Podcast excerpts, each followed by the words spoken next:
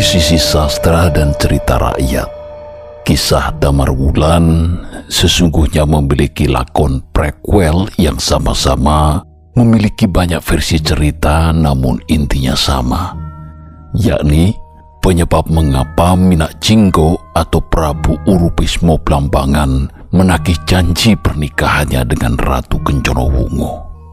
Lakon prequel itu memiliki tokoh sentral bernama Joko Umbaran melawan Adipati Kepu Marcuet. Siapa Joko Umbaran? Tidak lain adalah nama Minak Jinggo. Dalam perkelahiannya dengan Kepu Marcuet, Joko Umbaran atau Minak Jinggo mengalami luka parah. Tubuhnya terkhusus bagian wajah Joko Umbaran yang semula tampan menjadi rusak berat sehingga terlihat buruk rupa. Penampakannya yang demikianlah yang membuat Kencono Wungu melanggar janji menikah dengan Minak Jinggo. Sebagian pihak yang berada di sisi Minak Jinggo sekaligus meyakini lakon ini benar-benar terjadi di masa lalu menggambarkan Bina Jinggo sebagai sosok yang gagah dan tampan saat masih menyandang nama Joko Umbaran. Miniseri Ketoprak Legenda kali ini kami angkat menggunakan bahasa Jawa, selain sebagai kenangan bagaimana ketoprak bahasa Jawa dulu cukup populer di radio, juga karena kami mengetahui adanya beberapa sekolah atau lembaga pendidikan yang memberi tugas membuat drama bahasa Jawa. Kami berharap video ini bisa menjadi contoh penyusunan naskah atau pengadeganannya secara sederhana dalam versi kami. Buat Anda yang tidak memahami bahasa Jawa, khususnya bahasa Jawa Kromo Inggil yang banyak kami gunakan dalam lakon ini, jangan khawatir. Kami akan membuat versi narasi bahasa Indonesianya di channel YouTube Dongeng Jawa Kuno yang linknya dapat Anda jumpai di kolom deskripsi video ini. Sebelum menutup pengantar kali ini, kami sampaikan bahwa setelah sekian lama kami merenungkan masukan dari Pandemen agar kami membuka ruang apresiasi nyata bagi Pandemen atau subscriber yang ingin mendukung karya-karya Jagat Mandala Pictures, kami telah membuat akun di saweria.co Dukungan tersebut rencana akan kami khususkan untuk perawatan dan pelan-pelan memperbarui sumber daya alat kami yang sangat terbatas agar tetap bisa intens berproduksi.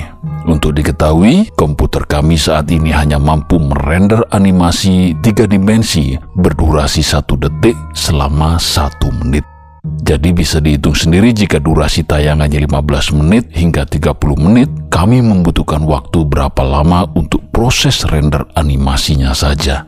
Itu belum termasuk waktu pengerjaannya.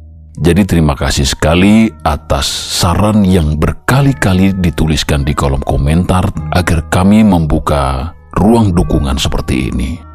Dukungan nyata dari pandemen yang selalu menanti-nanti video Jagat Mandala Pictures tentu saja sangat membantu kami dalam produksi-produksi selanjutnya.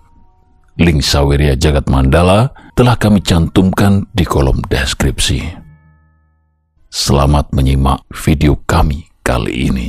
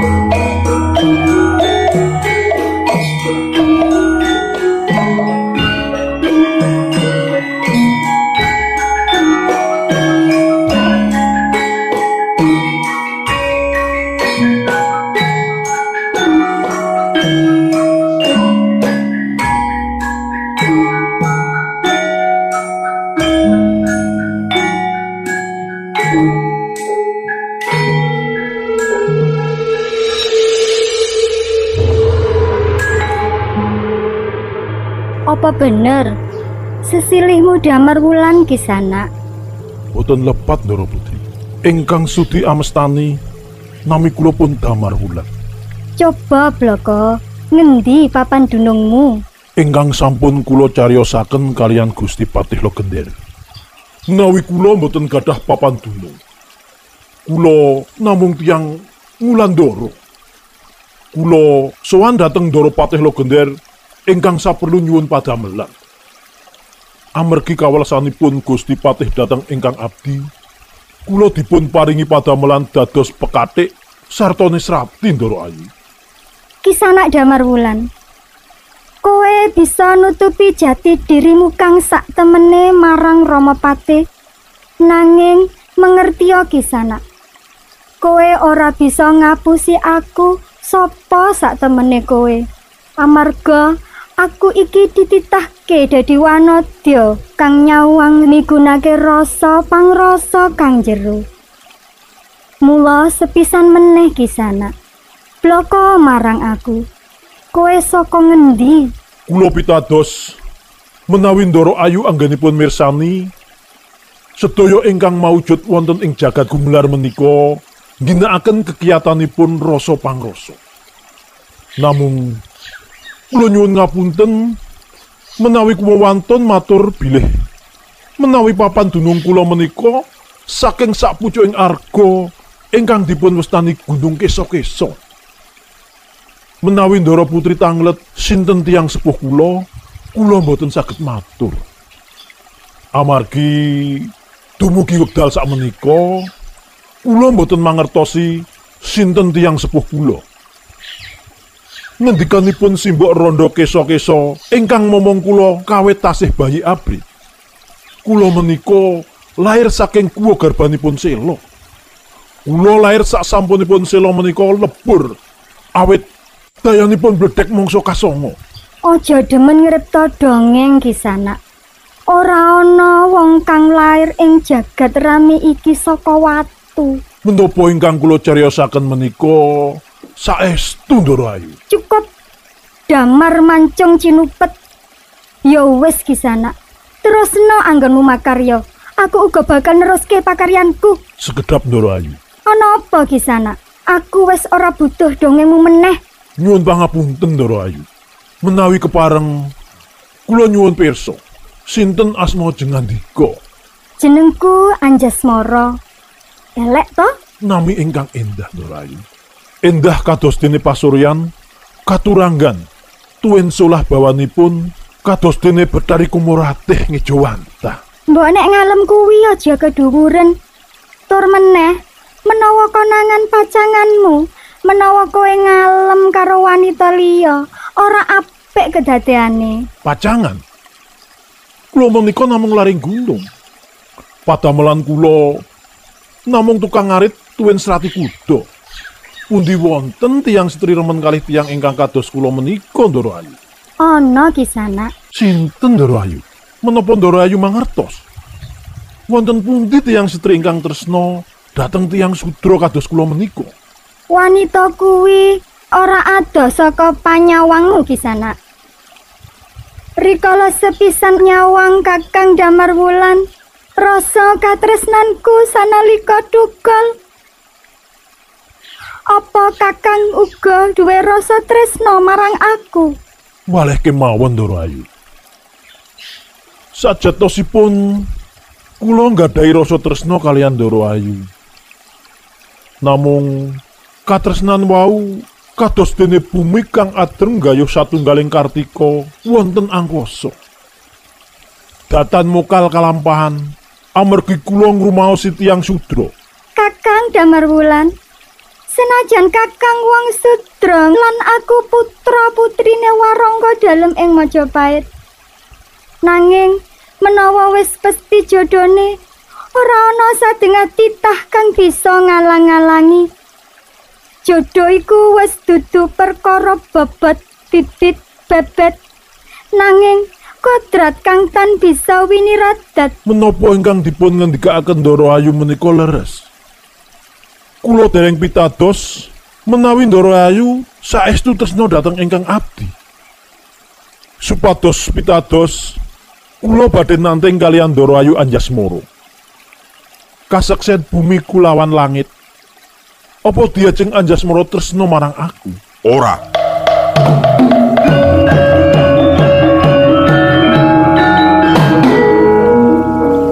Wes kinodrat datan sesambungan tresno ing antarane wong ningrat kulawan wong sudra kaya dene kowe kuwi Damar Wulan. Aku ora ngira menawa kowe mung dadi getibalku kumawani nresnani anakku. Mbok ngilu karo kitokmu. Kowe kuwi wong kang ora duwe papan dunung. Sak loron wong tuamu ora cetha. Lah kok wani-wanine pengen dadi mantune. Kaya cecak pengen nguntal lempyak mokal kelakone Damar Wulan. Kosipati, kula nyuwun gugel pangapunten. Awit kula sampun kumawanton dawuhaken rasa katresnan kula dumateng ingkang putra Ndara Ayu Anjasmara. Ora ana pangapura kanggo kowe meneh Damar Wulan. Amarga keluputanmu sing gedhe iku, kowe kudu lemebu ing krangkeng waja. Kula badhe matur Kanjeng Rama. Arep matur apa? Enggal matura. Saderengipun Kakang Damar Wulan ndawuhaken rasa katresnan dhateng kula. Kula ingkang rumiyin ndawuhaken rasa katresnan kula dhateng Kakang Damar Wulan. Menawi Kanjeng Rama badhe ndawuhaken paukuman kalian Kakang Damar Wulan punika lepat ingkang kedahipun manggen wonten pakunjaran punika inggih Cukup. Ora perlu mbok terus anggonmu matur. Prajurit, Sendika, Gusti Patih. Rangket Damarulan lebokke ing pakunjaran. Sendika.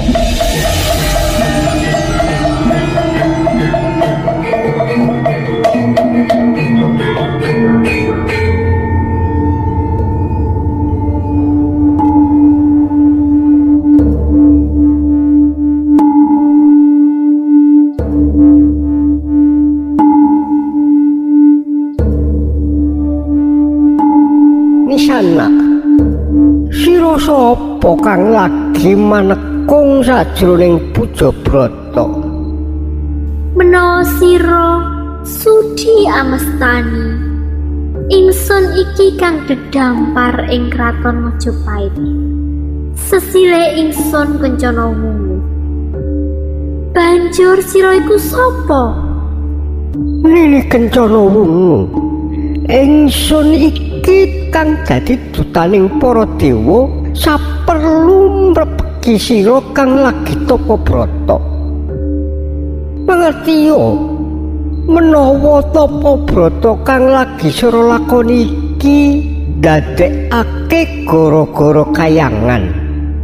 Mula pupusen tapa brata nira nini kencana wungu. sabda pendito ratu tan bisa wolawali ingsun ora bakal jugar menawa durung bisa kaleksanan ancas sartane tujuan ingsun. Luwih becik lampus menawa ora kaleksanan apa kang bakal ingsun gayu. Apa kang bakal sira gayuh nini? tan ana liya kang bakal ingsun gayuh kejaba katentremaning praja Majapahit kanthi tumbal mustakaning Prabu Minakjingga saka Blambangan Abot panjangkanira nini kencana wungu. Amarga Prabu Minakjingga iku raja kang sekti mandraguna kalis saka sakliring senjata. Nanging panjangkanira iku adreng marang sirnaning ratu kang kasinungan pusaka Kyai Gadawesi Kuning. Iku bakal kalaksanan menawa kasrananan kanthi tekad kang gembleng. Nyawijining cipta rasa kulawan karsa. Sawise Triparkala iku wis nyawiji, sira bakal antuk pituduh yang manon. menawa sira iku dutaning Jawata kudune wis apa kang dadi pitukon kanggo nebus mustakaning Minakjingga tudono marang ingsun apa kang kudu ingsun lakoni? Senajan pitukuning kanthi pitung arga pitung samudra bakal ingsun laksanani. Dudu pitung gunung sartane pitung segara kang dadi tebusane. Nanging salah sawijining jejaka kang lagi kinunjara dening pepatih sira amarga kaanggep luput. Mangerti yonini kencana wungu tan ana titah merca padha kang bisa nungkulake minak jingga kejaba mung damar wulan. Jejaka kang kinodrat bakal dadi tetimbangan nira. Banget gede panarimaning sun sira. Wis aweh marga kang bakal ingsun tempuh. Padha-padha nini kencana wungu. Wis nini karya mulya ingsun bali ing kayangan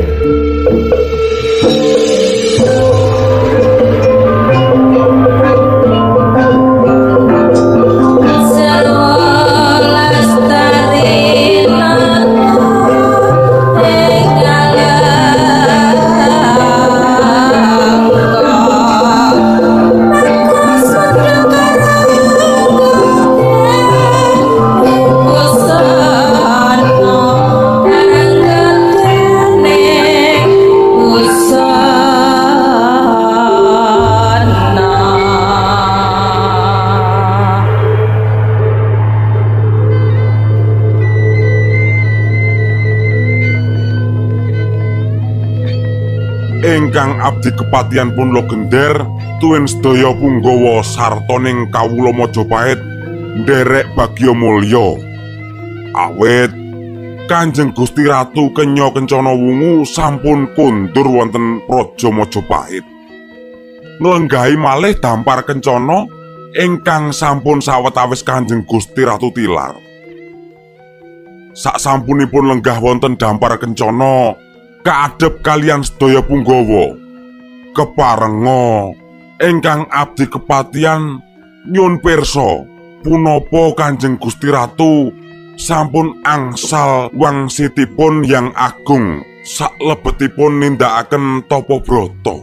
Pitakonira iku wis nemu wangsulan patih legender menawa durung antuk pituduhe hyang manon ingsun datang arsa kondur ing praja Majapahit nyuwun gongsih samudra pangaksami. Menawi dipun keparengaken ingkang abdi kepatian nyuwun pirsa. Pitedah punapa ingkang Kanjeng Gusti Ratu tampi saking Hyang Manon? Mangertiya sirawa patih legender. Apa kang ingsun jangka yaiku sirnaning ratu ambek angkara minak jingga bakal kaleksanan menawa kasranani sanjata pamungkas. Sanjata iku dudu wujude wesi aji. Nanging wujude titah kang lagya kamong dening Jawata. Lajeng sinten tiang ingkang saged ngentasi karya negas jangganipun Prabu Minak Jingga Kanjeng Gusti Ratu? Ingkang abdi kepatian sagah nglarapaken tiang ingkang badhe dados duta mungkasi ing ngabiyantara paduka. Miturut wangsit kang ingsun tampa ora ana pawongan kan bakal bisa nigas janggane minak jingga. Kajaba jejaka tumaruna kang rikala saiki sira kujara damar wulan. Mula saka iku opatih ingsun njaluk pisuwane damar wulan ing ngabiantaraning sun. Dawuh Kanjeng Gusti Ratu Kenya Kencana Wungu. Ingkang abdi kepatian estoaken Sira Punggawa sakarone ingsun jaluk gawenira tokno damar wulan saka sakjroning pakunjaran. Larapno damar wulan ing ngabyantara paduka Srinata. Sendika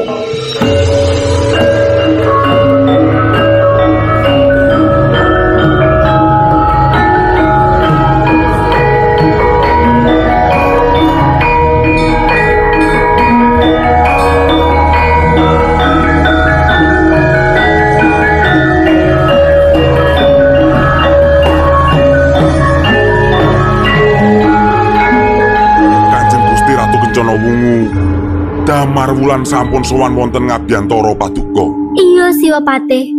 Kepenakno anggonmu lungguh. Sendika Kanjeng Gusti Ratu. Apa bener sira Kang sesilih Damar Wulan? Leres Kanjeng Gusti Ratu. Nami ingkang abdi pun Damar Wulan. Damar Wulan. Ingsun bakal ngluwari sira nanging ana sawijining syarat kang kudu sira lakoni. Sinaosa awrat. Syarat menika badhe ingkang abdi lampahi. Sinaosa betahaken to ing jiwa tuwin raga kawula sagah panglampahi. Mangertiyo Damar Wulan. Praja Majapahit bakal ngadepi Pancabaya. Pancabaya iku dudu awujud banjir bandang, angin gedhe sertane jebluke gunung kelut. Nanging pangancame Prabu Minak Jingga saka Praja Blambangan kang bakal ngebuki batang sayuta ngelem Praja Majapahit menawa ingsun tan kersa dadi sisyane. Mula saka iku Damar Wulan sadurunge tumakaning Pancabaya iku ingsun njaluk gawenira. Sirepen angkarane Prabu Minak Jingga. Menawa sira kasil nglarapake sirahe Minak Jingga ora mung luar saka pakunjaran nanging uga dadi tetimbangan ingsun. Mukti anyokrawati bebaran ingsun ing Praja Majapahit. Apa sira sago ngemban jijibahing nata Majapahit? Sagah Kanjeng Gusti Kencana Wungu. Damar Wulan, Nggih Gusti Pati. dadi wong kuwi aja rumangsa bisa. Nanging bisa rumangsa. Aja waton saguh nanging ora bisa ngentasi pakaryan kang abot. Kudune kowe kuwi bisa ngrumangsani. Kowe kuwi mung wong sudra ngulandara kang durung kabukten daya kasektenmu. Mokal menawa kowe bisa ngasorake Prabu Minak Jingga kang kasinungan pusaka gada wesi kuning. Mula Damar Wulan, luwih becik kowe urip sakjroning pakunjaran tinimbang pasrah pati marang Prabu Minak Jingga. Nyuwun kenging sih pangapunten Gusti Pati. Ingkang abdi sampun prasetyo. Langkung sae pralaya lapuh nagari katimbang pecah nesta wonten salebeting pakujaran. Pralaya lapuh nagari menika badhe nilar nami ingkang arum. Eh, Damar Wulan. Aku kuwi patih Minulya Majapahit. Kowe kuwi ming gedibal 17. Aku kuwi dudu siswamu kang kudu mbok ulang ing babagan ngilmu kawicaksanan. Menawa aku ora duwe kawicaksanan, aku ora bakal sinengkakake ngaluhur dadi warangka dalam Kanjeng Gusti Ratu Kencana Wungu. Cukup Siwapate. Sira wis ora duwe wewenang mepalangi kekarepane Damar Wulan amarga Damar Wulan wis dudu andahanira kang kudu manut miturut marang dawuhira. Inggih sinuwun. Ingkang abdi nyun gunging pangapunten dalem. Damar Wulan. Menawa wis dadi prasetyamu, mangkato dina iki. Muga sira bisa ngentasi karya. Sangat agenging panuwun ingkang abdi. Keparenga ingkang abdi bidal wonten Blambangan.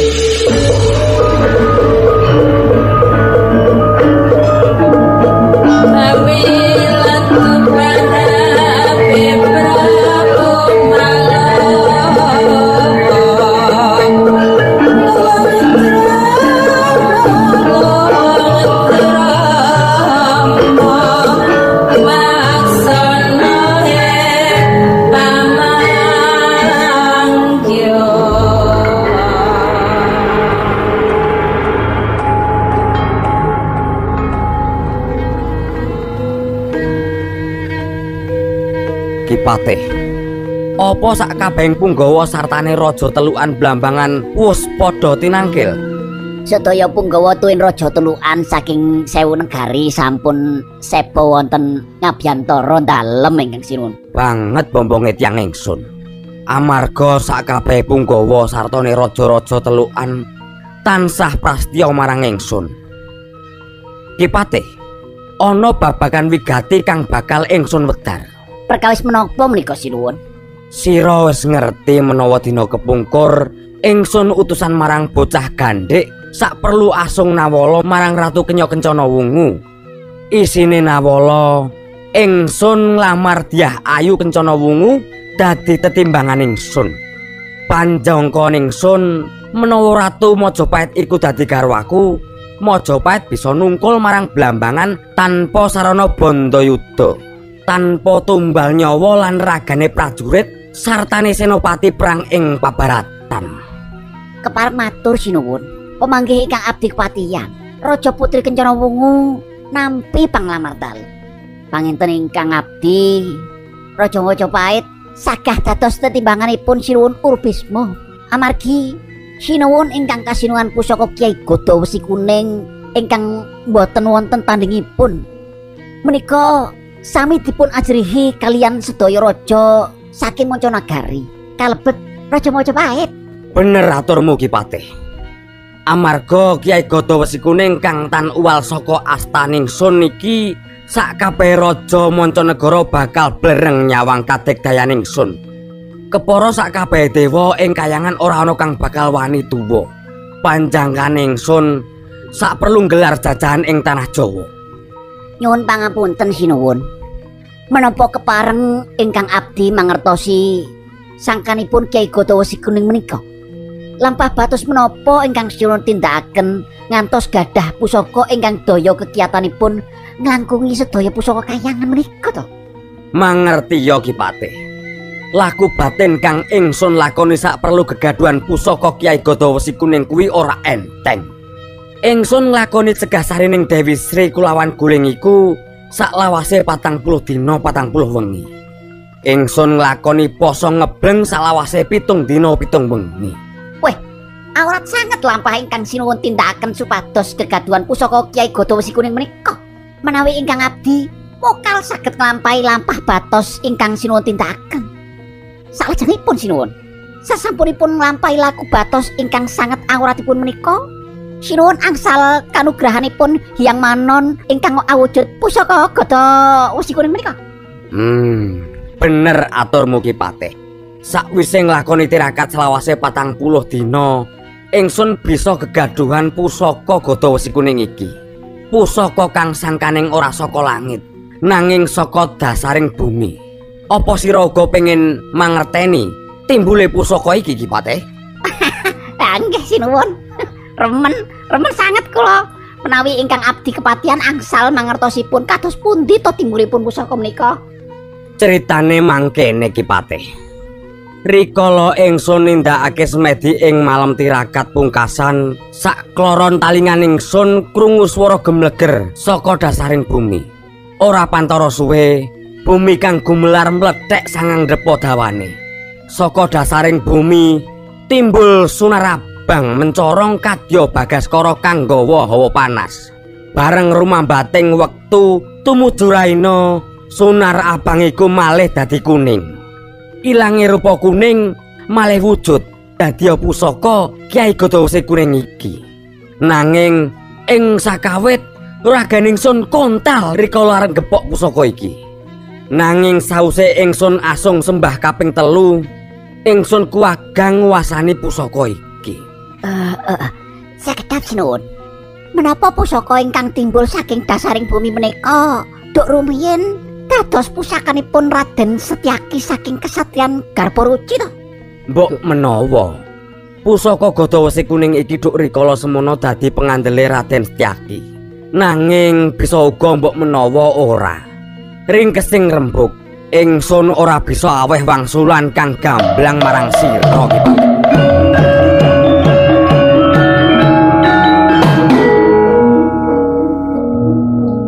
Ingkang abdi sowan Sinuhun Prabu Urubispo. Ana apa sira sowan ing abiyantara ningsun tanpa ingsun timbali? Nyuwun tetukur dalem Sinuhun. Ingkang abdi marak sowan tanpa timbalan amargi wonten pawartos wigatos ingkang badhe kawula aturaken. Pawarta apa? Coba matur kanthi wikan. Kekiwasan Gusti Prabu. Lampangan kedatengan mengsah saking Majapahit. Apa? Majapahit ngejeki Blambangan. Punggawa, Inggih Sinuhun. pirang bergoto prajurit Majapahit kang kumawani ngejeki Blambangan. sanes prajurit ingkang wilanganipun mawewu sinuwun. Ingkang ngejaki ngalun-ngalun blambangan namung setunggal tiyang ingkang ngaken nami Damar Wulan Gusti. Tiyang ingkang sampun merjaya atusan prajurit blambangan menika ngaken dutaning Nata Majapahit ingkang supados nyedani sinuwun. Babuh, babuh. Bangsat Ratu Majapahit. Merga wis wani ngembe kekuataning blambangan sartane ngembe kadigdayane Prabu Urubisma.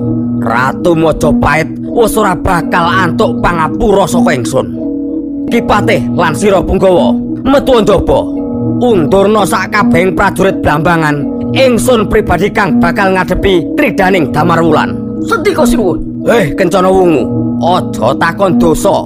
Sawise Damarwulan kang sira sorohake nyawane ing astaning Sun kang nasibetan beda kutuk marani sunduk ula marani gebuk.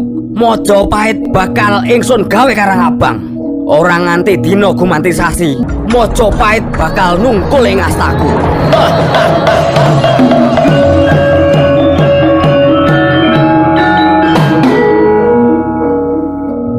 Hei Minak Jinggo, metu saka kedaton. Prajurit-prajuritmu kang gambeng-gambeng wis lampus ning tanganku. Ojo dadi wong wadon. Metu ning alun-alun. Petokno aku. Buktekno pawarta kang mbok gembor-gemborke menawa kowe raja kang paling digdaya ning tanah Jawa. Raja kang kepengin nelukake Majapahit nganggo carane wong wandu. Enggal tandingono kridaku kanthi gada wesi kuning.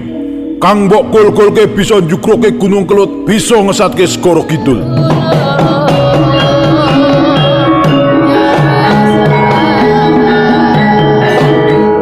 Aja watonmu wus. Lekno mripatmu jerengen gobokmu. Minak jingga dudu wong wadon, dudu wong wandu. Minak jingga raja diraja ing tanah Jawa. Minak jingga senopati perang pilih tanding. Aja mung kowe kang durung ilang pupuk lempuyange. Senajan to dewa ing kayangan bakal keder ngadepi Minak jingga. hmm? Ojo waton celometan. Hei, ketibale Minak Jinggo. Enggal mbok aturi rajamu tedhak ing alun-alun. Bakal ndak adepi nganggo tameng ing dodo. Aku ora bakal mundur sejangkah, ganggang colong pelayu. Apa mripatmu picek? Aku dudu gedibale Minak Jingga. Aku iki Prabu Rubisma, raja kanggung binetara saka negeri Blambangan.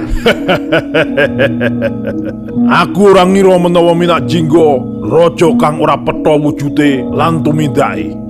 Watakmu angkara kaya raseksa, luwe becik mundur saka palagan. Pupusen impenmu anggone bakal gayuh ndeluke Majapahit kanthi sesinglon garwa Kanjeng Ratu Kencana Wungu. Keparat. Ora ana meneh pangapura kanggomu bocah tengik. Nanging sadurunge dadi kuwanda ing alun-alun Blambangan, ngaku sapa aranmu? Ngerti yo Minak Jinggo. Aku iki dutaning Nata Majapahit. Yo aku iki Damar Wulan. Timbang praloyo, wurungno anggonmu pengen garwa Kanjeng Ratu Kencana Wungu. Wurungno anggonmu pengen nelukke Majapahit. Kowe kumawani duwa kekarepane raja Blambangan sak perlu nungkolake Majapahit lan garwa ratu Gustimu. Apa wis serep nyawamu?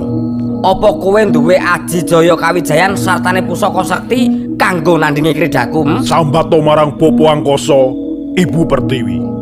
Keris niki kang bakal nguntapke nyawamu tumuju naraka jahanam. Tibakno bakal ndak tampani nganggo dadak. Mati kowe Minak Jinggo. Iya!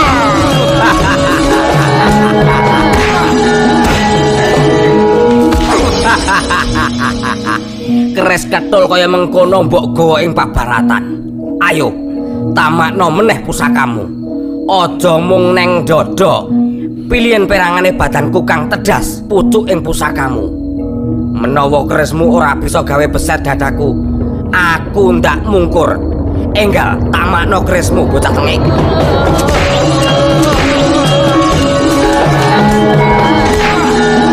Mati kowe. Iya! Ora. Minak Jinggo, aja mbok gawe wirang aku. Walesen aku. Luwe becik aku lampus ing alun-alun Blambangan. Tinimbang mbok gawe wirang. Saat temene aku wirang bebarang menawa aku miloro kowe nganti tumekaning pati. Nanging amarga atusan prajurit Blambangan wis mbok perjaya lan mbok gawe tatu, utang nyawa nyaur nyawa. Bakal ndak turuti penjalukmu. Pamita marang sakloron wong tuamu, bakal ndak untapke nyawamu saka ragamu bocah tengik. Tamakno pusaka kota wesi kuning kang mbok gol-golke iku ning awakku minta jinggo. Yen mung nguntapke nyawamu ora perlu gunakake pusaka iki. Cukup nganggo telapakan tanganku sing kiwa. Mati dening aku.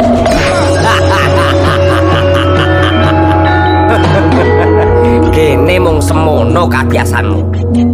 Ora sumbut karo sumbar lan suaramu kang gumlegar kaya gluduk mangsa ketiga. Nadyan durung lampus, kowe bakal nemahi pati ing kono. Ragamu bakal dadi mangsane ngasu. Kipate, biwarano marang kawula sak manca negara kang lagi dedagangan ing Blambangan. Menawa Damar Wulan utusane Ratu Kencana Wungu lampus ing Blambangan.